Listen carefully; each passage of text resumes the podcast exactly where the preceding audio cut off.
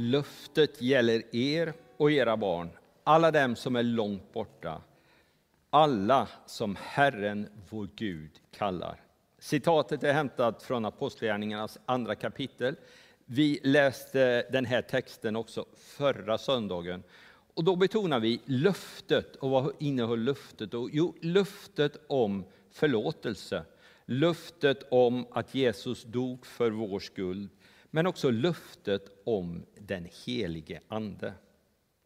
Idag tänker jag stanna lite grann inför syftet, huvudtanken med varför den helige Ande blir utgjuten. Syftet är naturligtvis mångfacetterat, men jag nöjer mig med det som jag tänker är huvudanledningen. Och vi läser från Apostlagärningarnas första kapitel. Vid en måltid med apostlarna befallde han dem, lämna inte Jerusalem, utan vänta på vad Fadern har lovat, det ni har hört av mig. Johannes döpte med vatten, men ni skall om några dagar bli döpta i helig ande. När de var samlade frågade de honom, Herre, är tiden nu inne då du ska återupprätta riket åt Israel? Han svarade, det är inte er sak att veta vilka tider och stunder som Fadern i sin makt har bestämt. Men när den helige Ande kommer över er ska ni få kraft och bli mina vittnen i Jerusalem, i hela Judeen, Samarien och till jordens yttersta gräns. Det yttersta syftet med Anden är inte att du och jag ska kunna räkna in lite övernaturliga inslag i våra liv.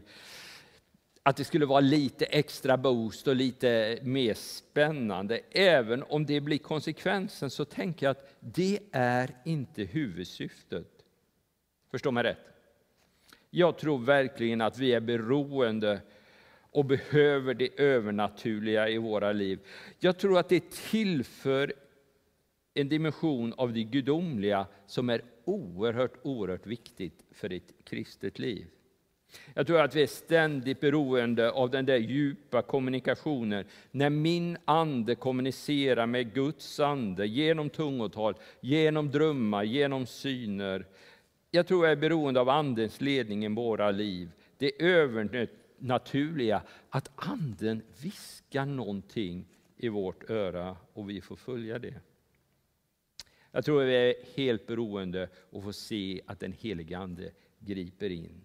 Men om du frågar mig vad som är huvudsyftet med Andens utgjutande så säger jag att Anden kom för att vi skulle få kraft att göra Jesus känd och efterföljd. Men när den helige Ande kommer över er så ska ni få kraft att bli mina vittnen i Jerusalem, hela Judeen, Samarien och ända till jordens yttersta gräns, sa Jesus. Två ord som jag vill stanna inför blir då kraft och vittne. Men när anden kommer över er skall ni få kraft. Vi dröjer kvar lite grann hos lärjungarna en stund för att förstå den kraft och det som händer när anden kommer över dem. Lärjungarna har satsat allt på Jesus. De har följt honom under tre år. Och den tiden har präglats av framgång. De har sett under och tecken. De har hört förkunnelsen. De har sett också ett växande motstånd som kulminerar för drygt en månad sedan med Jesu död. Han korsfäst.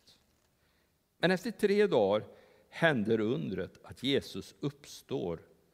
Och de får en månad tillsammans med Jesus och den ägnar Jesus åt följande.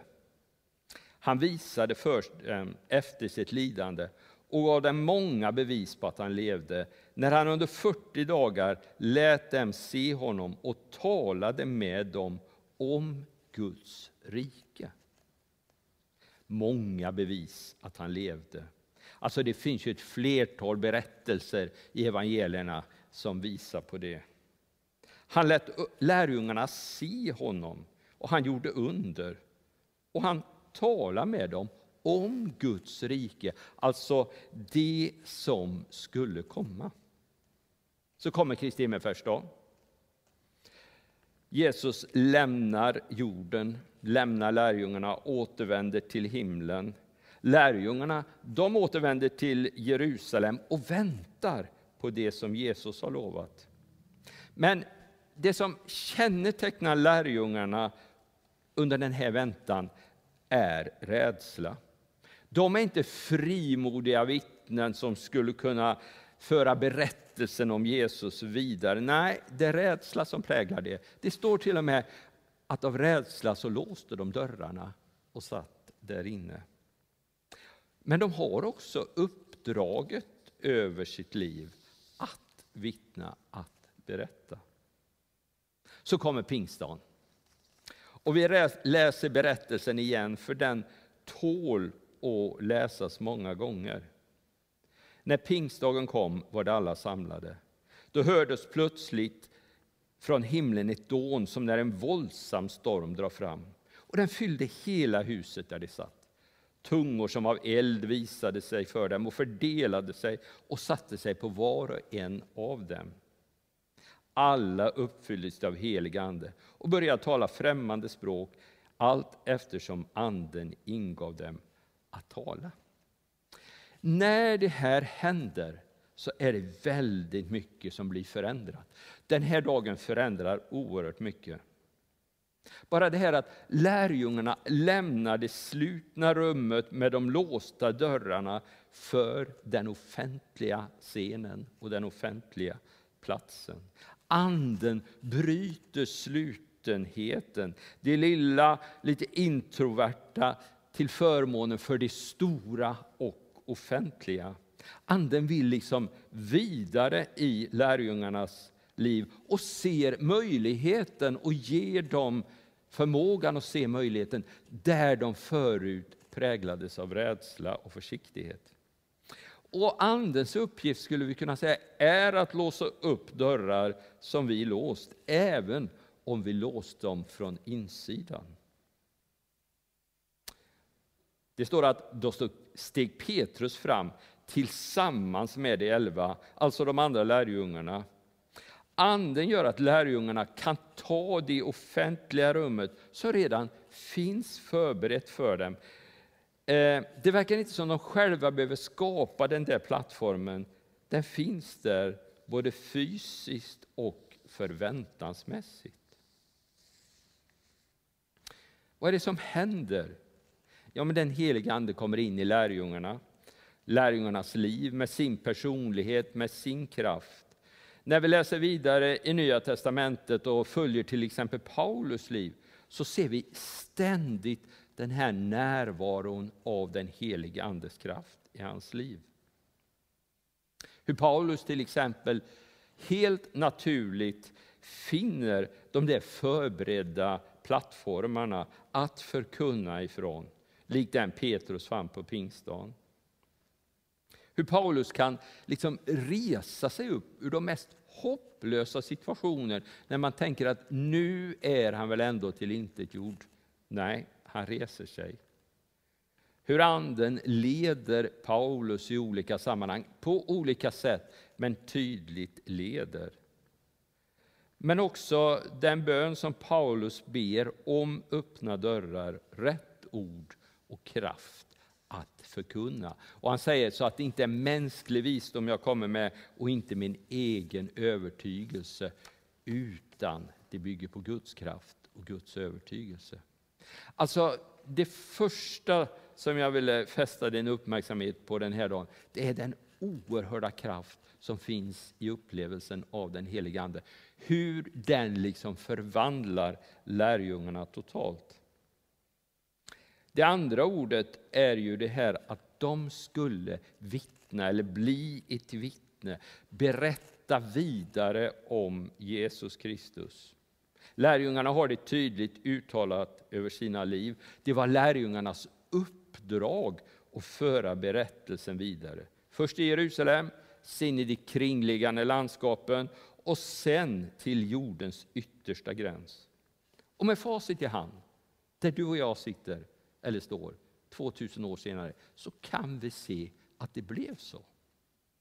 Det börjar med 12 lärjungar, 120 i den övre salen, så kommer den helige Ande över dem. Och nu är hela världen i stort sett nådd. Visst, det finns ett antal folkgrupper kvar, det finns ett antal översättningar kvar, men på något sätt så ser vi hur det funkar. Vad är hemligheten?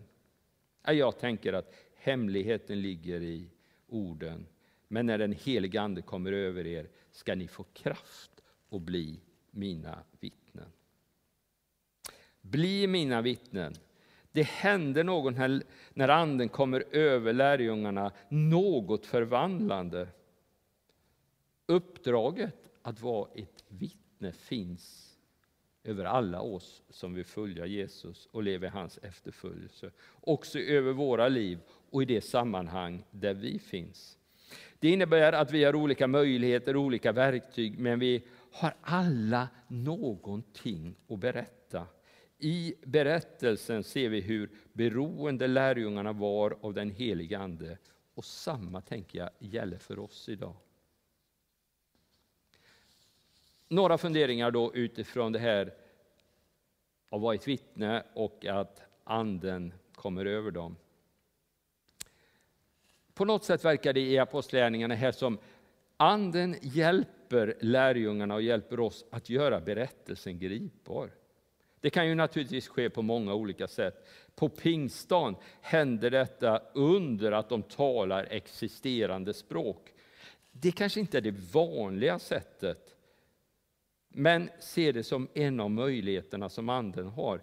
Helt plötsligt så öppnar sig en möjlighet för Petrus utifrån händelsen att få tala om Jesus. För den heliga Ande sätter alltid Jesus i fokus. Den heliga Ande har alltid som mål att Jesus ska vara i centrum. Petrus när han förkunnar så tar han dem tillbaks till påsken. Han är inte så upptagen av allt det som har hänt på pingstdagen utan han är upptagen av vad som hände på påsk. Att Jesus dog, att Jesus uppstod. Petrus tar dem tillbaks till korset. Det är där allting börjar. Korset är utgångspunkten, inte pingsten och manifestationerna. När Jesu död och uppståndelse för vår rättfärdighets skull.